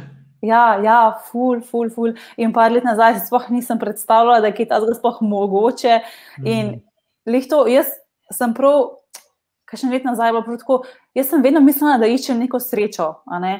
Ampak pol sem tako, sploh nisem točno vedela, kaj je ta sreča, kaj je to nek občutek ekstaze, nek konstantne veselja. Sploh nisem točno vedela in potem sem ugotovila, kaj v bistvu za me sreča pomeni. Mir, pomirjenost, zadovoljstvo, to je za me sreča in ja, in, in ja to, to imam trenutno. Um, sicer in tako pridejo trenutki, ki me ven vrže, pa Ja. pa kaj ni, ampak tako, uno na splošno, ja, ja. in ko mi čakam, da vidim, kaj bo še naprej. Ej, fantastično, sem zelo vesel za te, uh, Maja, in verjamem, da boš tudi naprej dobro delala, zato ker mislim v svojem življenju, ker, ker je vse poanta odnosa, ki ga imamo. Ne? Zdaj mi gre, no, tukaj rečeš, zadnja beseda bo tvoja, no? to pomeni, da boš. Uh, Ker tu furano počneš, ne da nek na svet, ne rabiš na svet, lahko daš pa neko sporočilo ljudem, ki to gledajo. Zato, ker, veš, tisti, ki recimo niš na tem nivoju, ki si ti danes, ne, bomo to inspiracijo, bomo to vzor, bomo to neko, neko poduk. Saj meni bi bilo, zato iz tega delam te stvari. Ne. Preden pa v bistvu si eh, na vrsti, pa sem par stvari povedal gledalcem in sicer to, kar se danes z Maja pogovarjava, so življenjske stvari, ki, so, ki lahko vsakom koristijo. Vsak lahko od tega nekaj ima, eh, zato ker kljub temu, da ste drugačni od Maja ali pa od mene, še vedno pa so neka pravila, recimo, ki se danes pogovarjajo od tega, kaj, na kaj se fokusirate, kaj še imate fiziologijo telesa, kako se počutite v svojem telesu, s kom se družite v končni fazi tudi. Vse to je, bom rekel, odvisno od vas. In imate bistveno večjo kontrolo v življenju, kot pa si mogoče mislite, in na teh stvareh lahko delate danes, jutri, vsak dan. In uh, največja, bom rekel, največje darilo, ki ga lahko včasih dobite, je, bom rekel, nekaj sladka. V življenju se vam nekaj zgodi, ki je, bom rekel, zelo težko, ki vas potre. Nekaj, ki mislite, da ne morete ven iz tega priti, včasih je to nekaj najboljšega. In zavedajte se, tudi če nimate za najslabše naj, naj stvari, tudi če imate, bom rekel, sem veliko majhnih problemov, težav, malenkosti, ki vam ne grejo, pa niste, bom rekel, srečni, zadovoljni. Lejte, to so neko darila, iz tega se lahko nekaj naučite. In uh, poslušajte te podcaste, ne zaradi mene, lahko pa tudi zaradi mene, seveda, no, pa zaradi mojih gostov, ampak predvsem zato, ker tukaj imam goste, ki so dali, bom rekel, stvari čez, v smislu, da so, dal, um, da so prišli do odnosa, ki ga imajo danes preko izkušenj in zaradi tega odnosa živijo dobro. Ne zaradi tega, kar so dali čez, ne zaradi tega, kar se je zgodilo, ampak zaradi tega, ker so postali osebe, na katere so lahko ponosni. Poglejte še enkrat tale podcast, poglejte še 85% mojih podkastov smo se iste stvari pogovarjali, oziroma podobno. No? In uh, to je ključna zadeva. Maja, zdaj bo počasi zaključila, ampak jaz predajam zadnjo besedo uh, tebi. Kaj bi sporočila gledalcem, ki gledajo tale podcast? Um, splača se delati na sebi. Mogoče ni vedno najlažji, ampak je definitivno, definitivno vreden. Um, ker pride na mislim, moje življenje, je zdaj ful bolj lahkotno, ful bolj svobodno. Um, ja, ful, tako da bi uh, ena skala dol padla iz mene in res, res, mogoče ni lahko vedno, ampak res, res, res se splača. Za polno življenje, ja, se splača delati na sebi. Super, čutimo vsi tvojo energijo. Sem eno vprašanje še. Ali boš zdaj nehala delati na sebi? Uf, ne vem, vprašaj me, kam umrla, pred bom umrla. Okay. Ampak kaj misliš? Ja, mislim, meni je res ta napredek zelo pomemben, tako da, eh, kot zdaj le mislim, ne. Cool, cool. Ker eh, ponovadi tako, da recimo, te urode, ki se danes pogovarjajo, pa te načine, recimo, kako pride do tega ta odnos, to ni bom rekel zdravilo, to ni nekaj, ko vzameš takrat, ki je narobe. Ne? Tudi takrat, seveda, ampak to je nekaj, na čemer moraš več čas graditi, več početi, da ti zraste ta mišica, bom rekel, in samozavesti, in eh, pravega fokusa, in pravih odločitev. Skratka, Maja, še enkrat hvala, da si se odzvala na povabilo, jaz se zelo živo v tem pogovoru. Sem nekaj bi še dodala. Um, Kokorkoli se meni zdi zelo pomembno delati na sebi, mi se mi zdi pa tudi pomembno, da, strmimo, da strmiš k temu, da, da si vedno boljši, pa tudi to, da v bistvu sočasno ceniš to, kje si zdaj.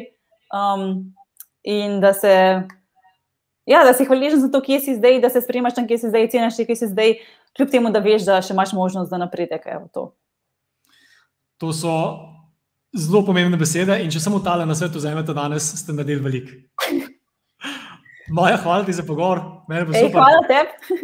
Čez 20 let, čez 20 let usedemo pa pogledamo tale pogovor še enkrat za, za foro. Si za? Da bo videla, kako se mlada, pa lepa, veš. Pa pametna. Pa pametna, to pa to. Lepo se nekaj. Poduhovljena in razsvetljena. To, to, to, to sva, to, kar sva. Jaz se tega nisem govorila, ampak ok. v glavnem, hvala še enkrat, meni bo super. Gledalci, vam uživamo. Tako da, uh, srečno tudi naprej. Jaz verjamem, da boš tudi naprej, bom rekel, srečno, zadovoljna, predvsem zato, da vse, ki ga imaš. Uh, upam, da se tudi v živo vidimo, drugače pa v vsakem primeru sem vesel, da te poznam, sem vesel, da si srečna, sem vesel, da imaš tako odnos in sem se tudi danes kar nekaj od tebe naučil. Tako da hvala ti za vse. Uh, hvala tebi, Matej, ki si me imel. Uh, ja, upam, da je komu kaj to prinesel no, in sem z veseljem sodelovala in je bilo prav fajn se pogovarjati. Res. Super. Super. Hvala še enkrat, lepo se imejte vsi skupaj. No. Lep večer, lahko noč in uh, Maja. Se slišimo. Hvala, čau, čau. čau.